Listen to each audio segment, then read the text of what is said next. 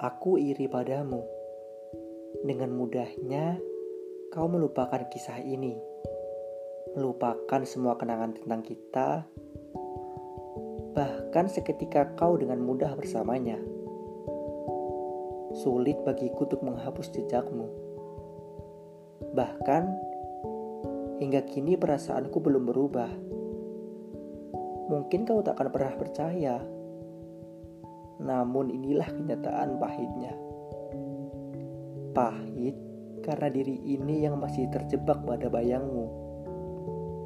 Bayangmu yang telah pergi bersama pengisi hatimu. Aku masih berharap untuk dapat mengulang kenangan tentang kita. Di saat akulah sosok yang selalu kau tunggu.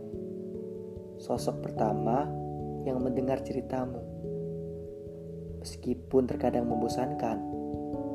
Namun, anehnya menjadi candu bagiku.